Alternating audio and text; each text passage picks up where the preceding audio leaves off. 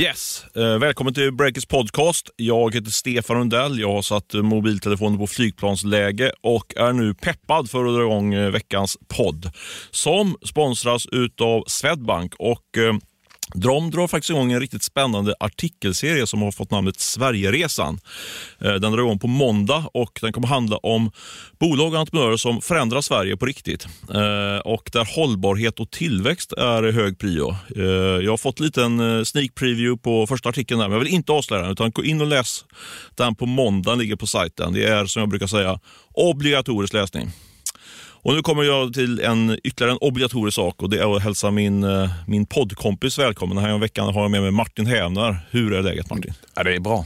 Tack för att jag får komma tillbaka. Ja, du, eh, du hoppar in från avbytarbänken och hänger i ytterligare någon vecka till här. Vi får se. Åsa håller på med ett stort jobb som hon behöver fokusera på. Men du, mm. du gör det med din ära måste jag säga. Ja, tack. Det gäller att ta chansen när den dyker upp som de brukar säga, de som hoppar in på, från avbytarbänken. Ja, visst är det så. Och nu ska du göra en ny sak Martin. Vi ska presentera vår eh, andra sponsor Hostec. Eh, och vi ska prata lite grann om den. Det har blivit dags att snacka om Hostec som är ju en svensk hostingleverantör med fysiska datacenter i Kungälv och Karlskrona. Bara en sån sak. Och du har träffat hela det där gänget? Ja, absolut. Jag har haft ett eh, bra snack med dem och eh, en sak som fastnade hos mig när jag pratade med dem var deras fokus på att verkligen växa med sina kunder. De tänker så här, vi håller koll på dina servrar och driften och så kan du som entreprenör då fokusera på att bygga ett bolag, vilket eh, attraherar mig. Det låter ju smart, måste man ju säga. Ja, visst är det. Det för mig låter som en klockren pitch och eh, gillar, gillar eh, tydliga och enkla pitchar. Och, eh, jag tycker verkligen att du som driver ett företag eller är på väg att starta en verksamhet ska surfa in på, lyssna nu, hostek.se, H-O-S-T-E-K, hostek.se och boka in ett helt förutsättningslöst möte så kan du få lite koll på ja, vad Hostek kan hjälpa dig så du kan fokusera på ditt entreprenörskap. Gör det eh, och därmed tackar vi Hostek som är en av våra sponsorer denna vecka. Martin, vi har ju ett, eh, tre olika segment i den här podden. Mm. Veckans möte, veckans snackisar och Veckans köp och sälj. Precis. Har du förberett dig? Eh, lite grann, lite på volley sådär som det ska vara. så, ska det vara, så ska det vara. Du, vill du att jag ska dra igång veckans möte? Ja, det tycker jag. Ja, perfekt. Så här, jag hade möte med en kille som heter Jimmy Jakobsson, eh, grundare av den digitala marknadsföringsbyrån Engager. Känner du till det bolaget? Eh, jag har hört dig nämna detta och de, de spelar väl någon viss roll i Breakits historia va? Verkligen. Nej, men jag och Jimmy har ju fått en bra kontakt under årens lopp här får man säga. Och, eh, faktiskt min, min eh, medgrundare Ola Aronsson som upptäckte Jimmy Jakobsson och Engage. De har växt med raket och omsätter nu över 200 miljoner kronor och gör en vinst, rejäl vinst också. 16-17 miljoner kronor tror jag Jimmy skrev till mig på sms här igår kväll. Eh, men han, de, de har varit med i vårt eh, Shift eh, eh, satsning, eh, vilket varit väldigt eh, eh, skönt för mig att ha dem i ryggen. Och, eh, ja, men vi har byggt upp en bra relation jag och Jimmy tycker jag. Så, eh, för jag talade lite grann ut med Jimmy faktiskt där i tisdags. Uh, för jag har, varit, jag har varit, uh, varit inne i en, uh, jag vet inte om du märkte Martin, men till och från så kommer jag in i lite noja perioder som entreprenör. har, du, har du noterat det? Eller ja, bara... jag känner nog att den är ganska konstant ja, men det, det, det är roligt att du säger det, för, för jag sa det till Jimmy, fast det är så jobbigt här. Vi har, det går ju bra liksom. Vi, vi, har ju bra mycket pengar i kassan, många miljoner i kassan. Det finns egentligen inte vara orolig för. Men, men samtidigt lever man ju det här surret. Vi, vi kommer ju prata mer om det, om hur det går för, för dem, våra kärnbolag. Liksom, sådär. Så man, jag tror lite grann att det smittas av den här negativa auran som är runt många bolag. Eller det är ingen aura, det är ju hårda siffror tyvärr. Eh, så jag tror det är för, för Jimmy och då sa det är lite roligt apropå det du sa, för han sa, då tyckte han jag skulle läsa en bok som heter Only the Paranoid Survived. Mm. Liksom, Nej, men det är ju hälsosamt. Jag hade nog varit eh, mer rädd om du hade sett eh, väldigt nöjd ut och eh, trött ut. Och sådär. Ja, Underbart. Så jag, jag, gillar att du är lite paranoid. Ja, det är bra. Det är bra. Nej, men så det var mitt möte. Det är kort och kort så. Liksom. Jag ringde och snackade med Jimmy, fick lite pepp och nu känner jag mig eh, mer peppad än jag var tidigare i alla fall. Sen tyckte jag han sa en intressant datapunkt eh, också som vi kommer komma in till senare. De har ju många eh, e-handlare som, eh, som kunder. De hjälper ju till med digital marknadsföring. Och Han vittnar om att många e-handlare, eh, en gång vi ska komma tillbaka till det senare, mm. men, han, men jag tyckte ändå det var intressant, någon lite grann från sidan och sa att många har det tufft nu. Liksom. Det, är, det är tufft liksom, med eh, marknadsföring biter inte riktigt liksom, uh, där ute. Mm. Så det var veckans möte. Lite dystert men ändå kom lite grann ut på, ut på andra sidan. Hyggligt bra. Ja, vad bra. Ja, det ordnar sig Stefan. Det är lugnt. det är bra. Det är skönt att höra. ja, mitt veckans möte, ska jag gå över till det då? Ja, men gör det. Eh, jag pratade med en framstående investerare som varit med länge och har rutin och har både insyn i både noterat och onoterat. Det här samtalet var lite off the record så jag vill inte namnge den här personen. Lite bakgrund sådär. Ja. och han sa några saker som fastnade. Det var inget revolutionerande sådär, men kloka konstaterande. Mm. För det första så frågade jag hur läget var där ute eftersom den här personen har inblick i så många bolag. Och det han sa var att det alla bolag inom citationstecken har börjat se om sitt hus. Alltså man går från anfall till försvar. Man pratar inte expansion utan nu är det liksom kolla kostnadsbas, kolla finansiering och så vidare.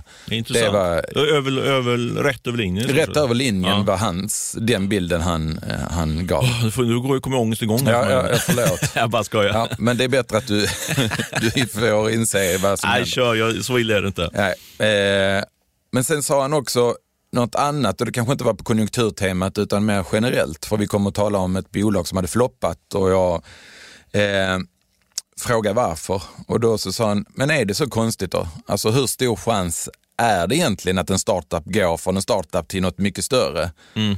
Alltså sannolikheten att man lyckas är kanske 15-20 procent slängda den ur sig eller något sånt där. Mm.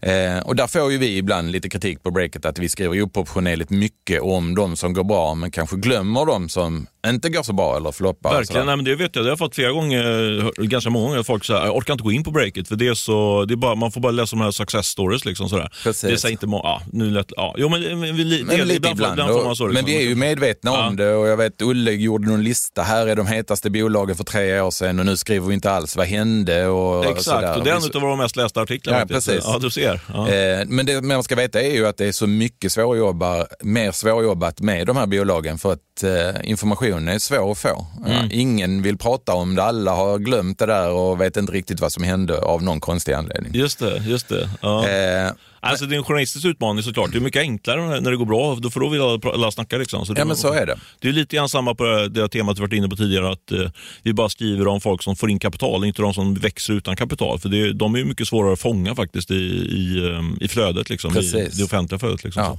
ja. men det är lite synd för att alla har ju att lära sig av misstag egentligen, eller vad man har gjort och sådär. Så att eh, alla som inte har lyckats där ute kan ju komma med tips. Ja, men precis. Och då kommer vi behandla dem, skrivare på ett, på ett, uh, på ett hjärtligt sätt. Som vi brukar, brukar ja, absolut. Med, med respekt. Och, och, på tal om det så var den tredje punkten med den här investeraren och också på tal om det här bolaget som hade floppat och jag frågar varför. Man brukar ju säga eh, att ett bolag ska göra rätt saker och ska göra sakerna rätt. Man ska ha rätt affärsidé och utföra dem på rätt sätt. Mm. Och jag frågar var det brast. Och då sa han så här, men det där är lite förenklat. Alltså, trots att jag hade insikt här är det svårt att säga var det brast. Alltså det kan vara två personer som inte kommer överens, vd och någon annan. Det kan vara någon investerare som hade dåligt med pengar och inte kunde skjuta till. Det kan vara produkten var bra men kanske inte riktigt tillräckligt bra. Eller så är det en kombination av alla de här sakerna.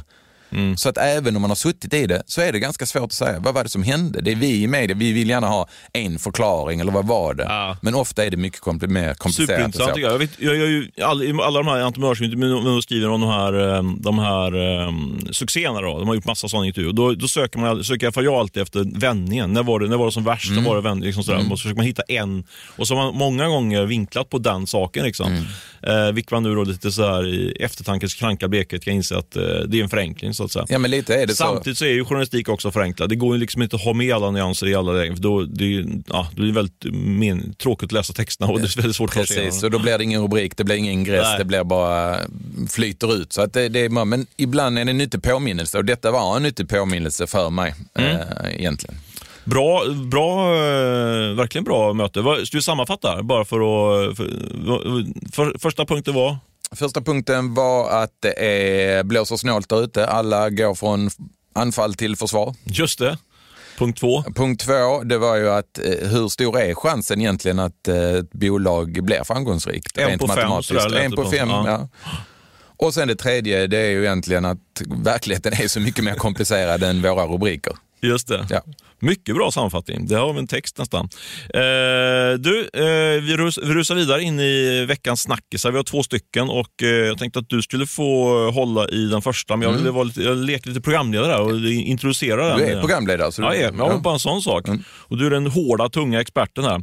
Eh, nej, men vi, vi tänker att vi ska köra ett litet e-handelssvep. Det är liksom, jag tror att den här veckan är den mest rapportintensiva under, under hela våren, eh, ish. Och eh, det har varit många e-handlare som vi försöker hålla koll på som har kommit med rapporter.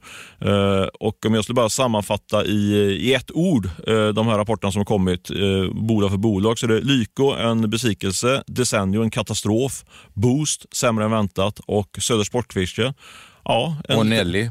Nelly vet jag, de har inte fångat in. Det var, det var en besvikelse också. Ja. Ja. Nej, men de, det, det, följer samma mönster egentligen.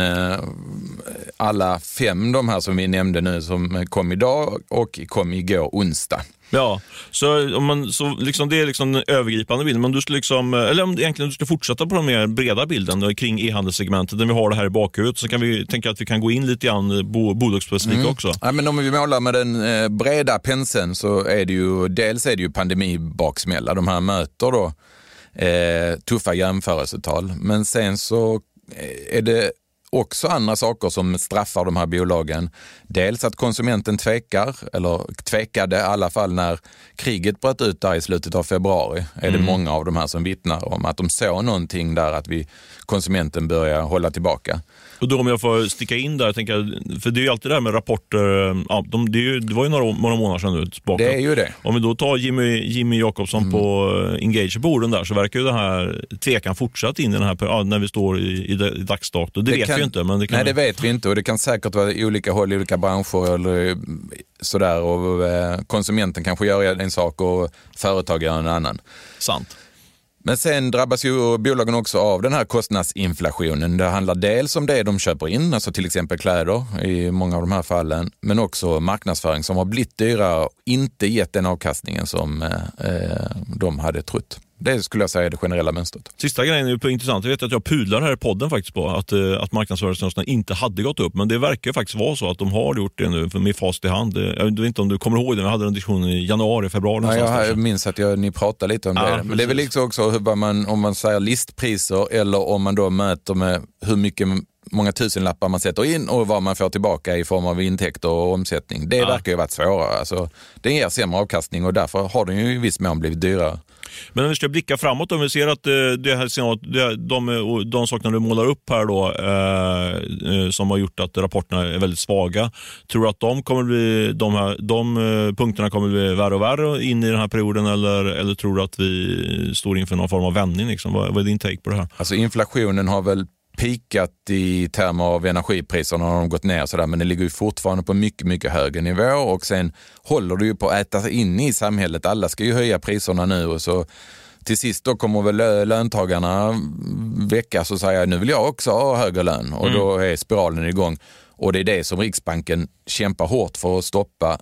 Stefan Ingves kommer ge sitt räntebesked om exakt 34 minuter. Precis. Så då, då får vi väl se om Sverige han har eh, också... Flaggat för 10 räntehöjningar var det va? Precis, om ja. det kommer första idag eller i juni, det är därom tvistade lärde, men vi får se. Mm.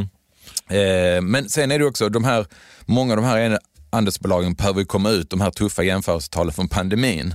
Jag bara tänker på Desenio till exempel som är inte ute ur sin tunnel. Eh, kursen sjönk ytterligare igår 13 procent till nytt all time low 6,30. Mm. Den här aktien handlade alltså över 100 kronor för ett år sedan. Ofattbart. Ja. ja. Omsättningen föll med nästan 29 procent. De, de har ytterligare ett kvartal tror jag. Det, deras siffror började svaja i juni eh, förra mm. året. Mm. Så de har ett tufft kvartal till. Sen finns det någon chans för återfödelse för dem, tror jag.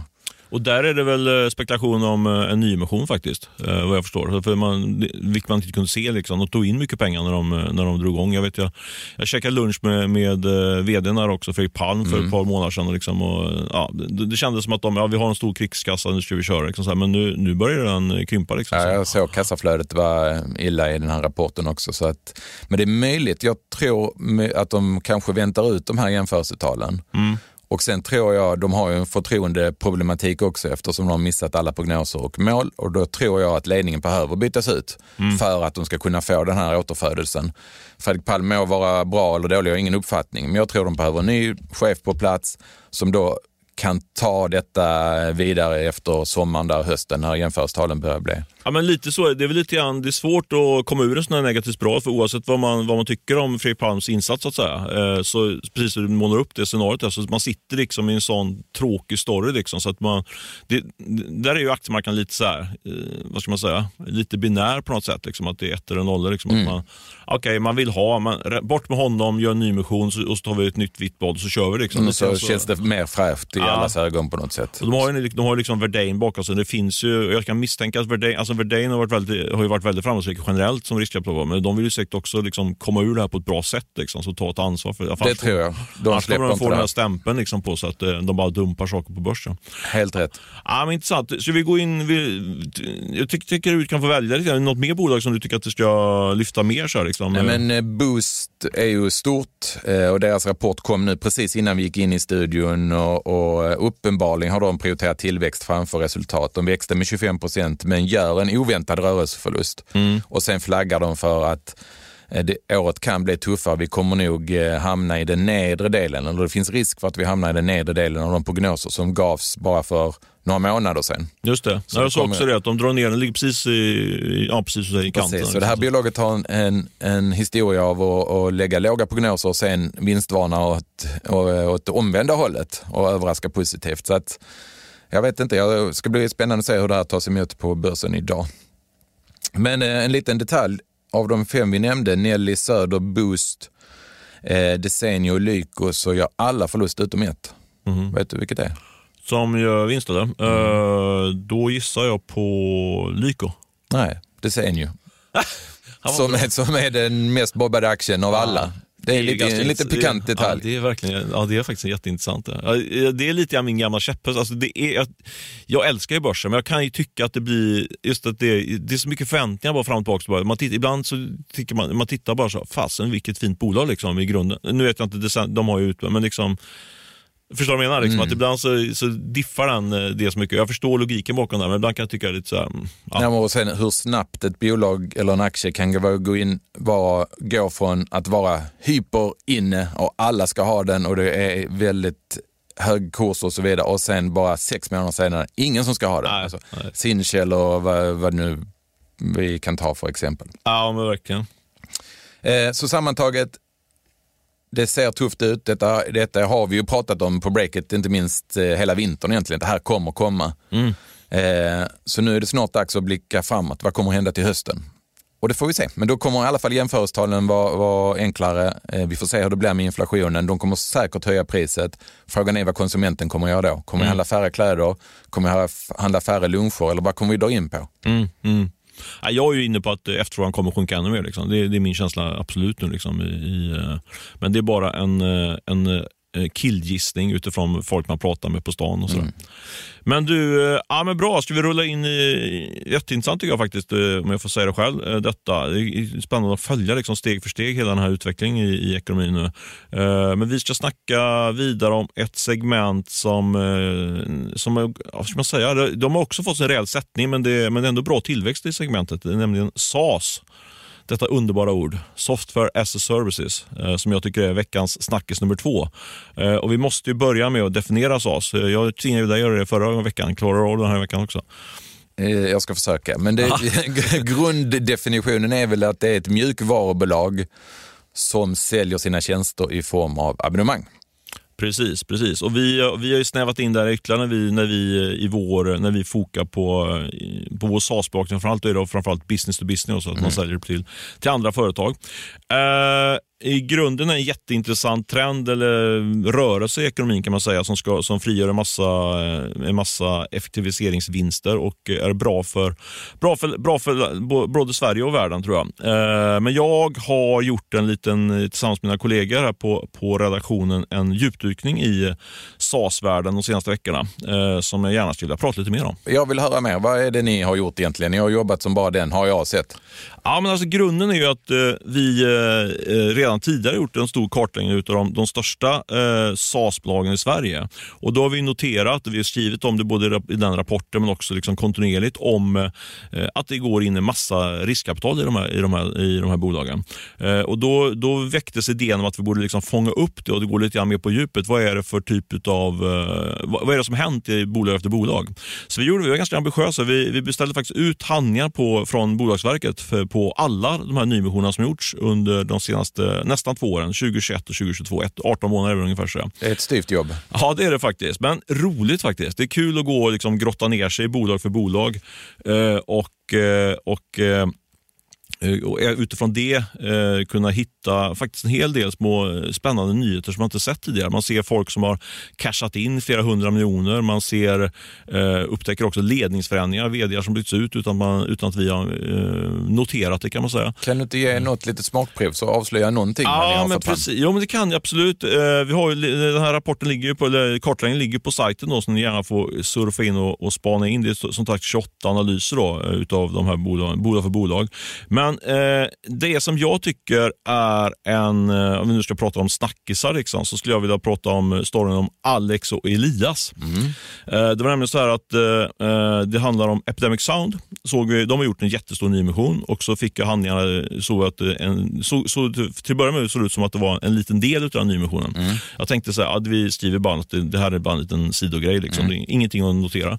Men jag tittade lite vi, tittade vidare så här, och visade sig att det var någon form av sån apportemission Uh, vilk, ja, vad är det för något apport? Kan du förklara det? Man... Jag sätter dig på det hala hela tiden. jag känner hur jag svettas. Nej, Nej men, eh, det är väl egentligen att man sätter in saker istället för rädda pengar. Precis, man och, och i det här fallet då så satte man saken som eh, Alex och Elias satte in då, det var sitt bolag helt enkelt som hette AP Records. De satte in sitt bolag och i utbyte mot det fick de aktier i Epidemic Sound. Och Epidemic Sound, ska bara kort säga vad de gör. De, de, de har ju byggt en affärsmodell som går ut på att man köper in och producerar musik då från olika personer som man sen då licensierar ut till andra företag. Men i alla fall, de köpte då det här AP Records från Alex och Elias för, upptäckte då, eh, nästan 200 miljoner kronor. Det är ju, är ju pengar det också, måste man säga. Och Det var ju då eh, Alex och Elias låg ju bakom det här AP Records så då började jag gräva vidare. Vilka är de här personerna eh, bakom? Och Det visade sig att det var en kille som heter då Alex, som jag nämnt. Då. Alex och så eftersom jag har så svårt att uttala efternamn så har jag lite väntat med att säga det här, men han heter Alex Pappa Konstantinio. Och Elias heter Elias Georgo Giadis. Och de är två, är två killar, kompisar från förr som jag skrev i artikeln. Eh, två, de är uppväxta i Hallunda eh, ute i Botkyrka söder om Stockholm. Eh, Alex, och då, då liksom den här storyn börjar rullas upp då, som jag tycker som jag gärna vill eh, ge er poddlyssnare. Alex är no, no, någon form av som låtskrivargeni. Han har skrivit eh, låtar för bland annat Jennifer Lopez och massa andra kända personer. Men sen har han liksom Eh, så först eh, skrev han eh, till Eurovision och sådär, men sen så lyckades han hitta en nisch som var ännu mer framgångsrik. Och Det var att han blev någon form av expert på något som heter Mood Music. Har du koll på vad Mood Music är för något? Jag har det efter jag har läst din artikel faktiskt. Mycket bra, mycket men, bra. Förklara. Ja, men det är väl musik efter aktivitet om jag lagar mat så är musiken anpassad till det. Om jag vill sitta framför brasan och mysa så det, finns det någon spellista för det. Eller? Exakt, man vill chilla eller slappna av mm. eller vad som helst. Liksom. Och det, där är, det, det, där är en genre som har växt enormt på, på de olika eh, streamplattformarna, som Spotify, Apple Music och sådär. Eh, och det här såg ju då, eh, eh, de här AP Records har blivit väldigt stora i Sverige på det här. Att de, de eh, hittar då duktiga musiker och paketerar in det i den här eh, mood-musikgenren och sen säljer de, det, säljer de vidare den här musiken via Spotify och så tar de en katt på det där, förenklat. Men det som är den stora synergin här med Epidemic Sound kommer in, det är att de, de gör ju det här samma sak fast i massa olika genrer och i hela världen. De har liksom massa fler plattformar. Mm. Så det, synergin är väldigt tydlig. Liksom. Jag förstår varför Epidemic Sound ville köpa det här bolaget. Uh, och uh, och du fick prata med de här killarna? Ja, både och. Alltså. Ehm, jag, jag försökte ju, min första eh, affekten, eller affekten, första tanken var ju att jag skulle snacka om med, med Alex som var liksom den som var lite hjärnan bakom bolaget. För man såg att Elias hade mer varit med och finansierat bolaget. Ehm, men eh, Alex fick jag inte tag på, men däremot fick jag tag på Elias och då blev storyn faktiskt ännu roligare. Mm. Jag, var, jag stod hemma och lagade mat och fick liksom sms att nu hade han tid att snacka med mig och så ringde jag ringde upp honom. Mm. Och Då tänker man liksom ändå att okej, okay, det här är ju en, en rätt skön, skön homerun för den här killen. Han har ändå dragit in 190 miljoner då, som de skulle dela på. Eh, och, eh, han, han verkar faktiskt genuint så här, liksom, ja, när vi sålde det här bolaget, men jag har lite dålig koll på liksom, vad det, det handlade om, hur mycket det var och Mm. så där, liksom, så, här. Det var, så jag, då sa jag så här, ja men det var ändå, du vet, det är ju värderat si och så här mycket, så det var ändå 190 miljoner. Liksom, så här. Oj, det var inte illa, sa han. Liksom. och det lät, lät inte som, att- som att han försöker mörkna, det lät verkligen så att, jaha, det var, ja, det var ju bra. Liksom, så här. Eh, men han hade uppenbarligen inte någon, någon, någon, liksom, någon detalj. Han sa liksom att det, det är liksom Alex som gör det här. Det är han som, är- som vi kände var varandra sedan tidigare och jag har hjälpt till med lite pengar och sådär. Han då- hade inte någon entreprenörsångest, verkar det som. Nej, verkligen inte. För, för grejen var så här då, det- sen, sen vi snackade vidare om det, han, det visade sig att han var ju då eh, entreprenör bakom ett, eh, en, ett fastighetsbolag som heter Stenhus. Jag tror de är noterade faktiskt. Eh, vä- jätteintressant story när jag började, började snacka vidare med honom med Elias då. Han hade verkligen börjat med, med två tomma händer eh, och eh, höll på med fasadrenovering. Eh, och sen, jag läste story igår ytterligare. Liksom så här, han eh, eh började, stod själv på fasaderna och fixade på eh, ställningar utanför, utanför husen och jobbade liksom stenhårt. Och sen så fick igång verksamheten, eh, fick en möjlighet att köpa en fastighet och sen, du vet, byggde på sig upp, upp, upp. Och nu sa han liksom, som en förklaring då varför han inte typ brydde sig om de här 190 miljonerna. Du vet, ja, du vet, vi har ju en fastighetsportfölj på 7 miljarder. Liksom, så att, eh, I det sammanhanget så är det här, vi, vi, ja, vi har inte riktigt koll på det här. Liksom, så här. Och han var så här, för, kille på 40 år. Och sånt där. Riktigt så här, underbar, så här, eh, underbar story måste jag Ja, säga. verkligen. Man blir glad varje gång man hör dem. Ja, det blir man verkligen. Och det måste jag säga, det var, det var apropå veckans möte och så, här, så var det här det var nästan eh, veckans energiboost tycker jag, när jag pratade med honom där. Så jag gjorde mat eh, i, i, i, eh, i mycket bättre humör där och sen gick jag ut och skrev den här texten. Den ligger ute på sajten, jag tycker att ni ska läsa faktiskt. Två kompisar från förr som, som eh, cashade in rejält, men den ene verkar inte tycka att det var så stor grej. 190 Typ så. miljoner. 190 miljoner. Bra, eh, vad tyckte du om den spaningen? Ja, men jag, jag läste din artikel och Ja. jag, jag blev också på gott humör. När Ja, jag läste det. den. Ja. Ja, men det, jag älskar sådana med lite olika twistar och sådär. Verkligen. Ja, men en rolig, rolig person. Du, vi ska gå in i, vårt, se, vårt eh, tredje och sista segment. Eh, köp och säljsegmentet. Eh, Ska du börja den en gång? Ska jag börja? Jag börjar. Ja. Du, jag går väl på, jag får lite negativ här då, eftersom jag var så positiv nu med, med den här 190 miljoners kronors mannen som inte visste att han cashat in 190 miljoner. Eh, och gå på veckans sälj som jag tycker är Kry faktiskt.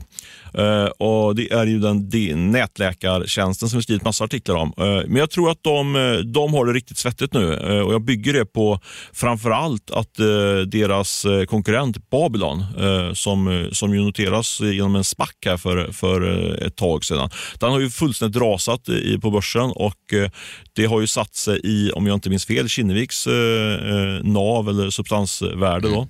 Eh, så jag tror att Kry kommer ha väldigt svårt och hålla uppe sin värdering. Jag vet att de förlorar stora pengar fortfarande och de fick ju in, jag tror att du skrev, va? Capital Group har de fått in som ägare och då snackas de med börsnotering och sådär. Det tror jag ligger långt ifrån, långt borta nu. Liksom. Så det ska bli väldigt intressant att se det där. Jag, de måste ta in mer pengar och frågan är vilken, till vilken värdering och med tanke på att deras, deras peers då på börsen har gått ner riktigt, riktigt mycket så tror jag att det är en kraftig sälj. Vad tror du om det? Ja, men jag tror en liten detalj bara. Teladoc som också är ett sånt här Kinnevik eh, vårdhälsorelaterat amerikanskt bolag föll med jag tror det var 37 eller 38 procent i efterhanden igår kväll då, onsdag kväll. Eh, efter att ha gjort en stor nedskrivning och eh, visat eh, dåliga siffror. Så den där sektorn har det tufft och Kry kommer ju få känna av det. Det tror jag också. Vi får följa det, vi får gräva vidare tror jag faktiskt. Det känns som att man borde, det, borde, det borde koka någonting där på något sätt. Du då, vad kör du för köp eller sälj? Jag har veckans sälj. För mig är det ett bolag som heter Biko som inte vi har följt sådär uh, eh, jättenoga. Men det har varit ett jättehypat bioteknik, medicinteknikbolag. Det, det hette tidigare Cellink och det är ingen som riktigt vet vad de gör. Alltså, det, det handlar bland annat om... ja, men, precis, det handlar bland annat om 3D-printade mänskliga celler och vävnader som man sen använder på olika sätt. Men det är inte det som är poängen här. Det här har haft ett börsvärde på över 30 miljarder. Nu är det nere på 6 miljarder och nu börjar grundarna bråka inför öppen ridå. Först så eh, började med att finanschefen och tillika grundaren Gusten Danielsson sa upp sig eller fick sparken. Det vet man inte riktigt. Eh, Men på bolagsstämman som hölls samma dag som eh, han hade, eller den här avgången hade aviserats, då röstar Gustav Danielsson, som också är storägare, för, emot ansvarsfrihet för styrelsen. Uff, rysare. Ja, det är ju en tydlig signal. Och till dig och faktiskt till mig, för jag jagar också honom. Mm. Tyvärr han den rosa tidningen före mig och jag var sysselsatt med massa annat. Men då säger han att han tycker då att eh, bolaget behöver en ny vd. Eh, och varför går han inte riktigt in på. Parallellt då så säger eh, vdn Erik Gatenholm, också grundare, och bolagets ordförande att bolaget behöver en ny finanschef för att citat komma till rätta med vårt kassaflöde, kundfordringar och lönsamhet. Skulle du vara sugen att köpa aktier i den? Eh, fy fasiken rysare. För jag, hängde, jag, hängde, jag hängde faktiskt bara med första gången, alltså när finanschefen gick mm. och, och alla den här oklarheten. Så jag missade faktiskt det, här, det sista delen och det lät ju som att det blir riktigt dåligt. Så, ja, det, det får man kalla en sälj. Frågan är, frågan är om det inte är en köp, för den har väl gått ner så mycket nu den på börsen. Den har gått ner så mycket, men rapporten kommer inte förrän den 18 maj, så nu ska den här eh, osäkerheten vara kvar. Och vi tittar också på det operativa, inte bara börskursen, allt när vi pratar om köp och sälj, tycker jag. Om du är med mig? Ja, ja absolut. Ja, ja men, så, så det är eh, riktigt sälj för själva verksamheten känns det ju, måste man, oavsett vad, vad börskursen säger. Nej, men eftersom detta är så svårt att förstå så finns det väldiga misstankar och när det här kommer upp om siffrorna och finanschefen upp, vad, vad är detta? Mm. Alltså är det någon sån här ny eh, bluff som vi har sett i, det finns sådana misstankar. Jag kan det för dåligt så jag ska inte säga någonting, men det finns sådana misstankar att det här är ett, ett luftslott. Bra, bra spaning. Mm. Eh, du får köra veckans köp också. Vi har, jag har en liten specialare på veckans, eh, veckans köp mm. som jag vill avsluta med. Och veckans köp för mig är det eh, Nent, alltså via Playägaren. Och då, mm. det menar jag inte aktiemässigt, det är inte någon köprek på det sättet för jag har inte räknat. Men jag tycker det här bolaget förtjänar mer uppmärksamhet. Eh, Nent ligger alltså bakom Viaplay, det här gamla MTG, mm. som nu tar Viaplay ut i stora vida världen, 21 länder eller någonting. Eh, men det är inte så många som verkar bry sig. Jag tycker det här är ett av de mest svenska, eh, eller mest spännande svenska techbolagen som finns. De spänner bågen väldigt hårt, mm. Eh, vill exportera det här men får ganska lite uppmärksamhet. Nu låter det som jag är bitter för jag skrev två texter om det här. Det var... Nej, men jag tycker det är bra att du lyfter det för jag mm. måste själv erkänna att jag har varit, man, just när du säger det här gamla då, så man, ibland kan vi göra misstag, det gör på Break, att vi bara tittar på det nya, nya hela tiden. Liksom, mm. Men det är intressant att titta på bolag som, har, som omformulerar sig själv och liksom tar sig in i digitaliseringen, då ska vi hänga på där också. Så ja, men det där är ett bra bolag att följa. Jag tycker vi ska göra det ja. lite mer. Coolt. Du, eh, sista veckans köp och det, det köpen sätter på alla som lyssnar på den här podden faktiskt. Uh, för ni är vinnare. Ni är nämligen välkomna till Breakits AV som hålls imorgon och du är ju festgeneral typ, eller med festkommittén. Jag är medlem i festkommittén, ja. liten medlem. Då. Ja, var, var köpt inhandlade stora mängder drycker igår tror jag. Mm. Sådär. Och kanske får vi öka på det nu när vi gör den här inbjudan. Men eh, jag tänkte bara så att säga något fel i detaljerna. Det är klockan 16 vi kör va? Det är mellan eh, fyra och eh, sju på kvällen, ja. Precis. Och eh, vad är, vilken adress är det vi sitter på nu? Det är Tegnérgatan nummer... Har vi det? Nej. då, får vi, då tar vi ett litet stopp här och sen så ska vi googla fram det. Så, nu har jag hittat svaret. Eh, Underbart. Ja, vi tog, vi, vi tog till vårt försvar så, så måste vi, vi har ju flyttat in bara för någon vecka sedan. Precis, och vi är inte så bra på siffror. I alla fall jag är inte så bra på siffror. Nej, men, men nu säger vi det, nu är vi tydliga här. Eh, vi bjuder in till AV på fredag på Tegnérgatan 28. Tegnérgatan 28 i Stockholm, så får vi lägga till också, eh, för att inte bli för eh, Stureplansfokuserade här. Ja, det vore super, superkul om vi kommer förbi där och eh, i ett helt vad säger man, anspråkslöst lite häng helt enkelt. Eh, det var veckans köp. Det, det var inte illa va? Nej, Nej. vad roligt. Ja, eh, då ska vi ta och stänga ner den här podden. Vi har då med oss Swedbank som vår huvudsponsor och eh, vi kan nämna också att vi har eh, vår ansvarig utgivare som numera är Matilda Andersson som också är nyhetschef på Breakit. Ja, det var det, allt jag har att säga. Har du något mer att säga? Nej, trevlig helg. Ja, ha det bra. Hej hej!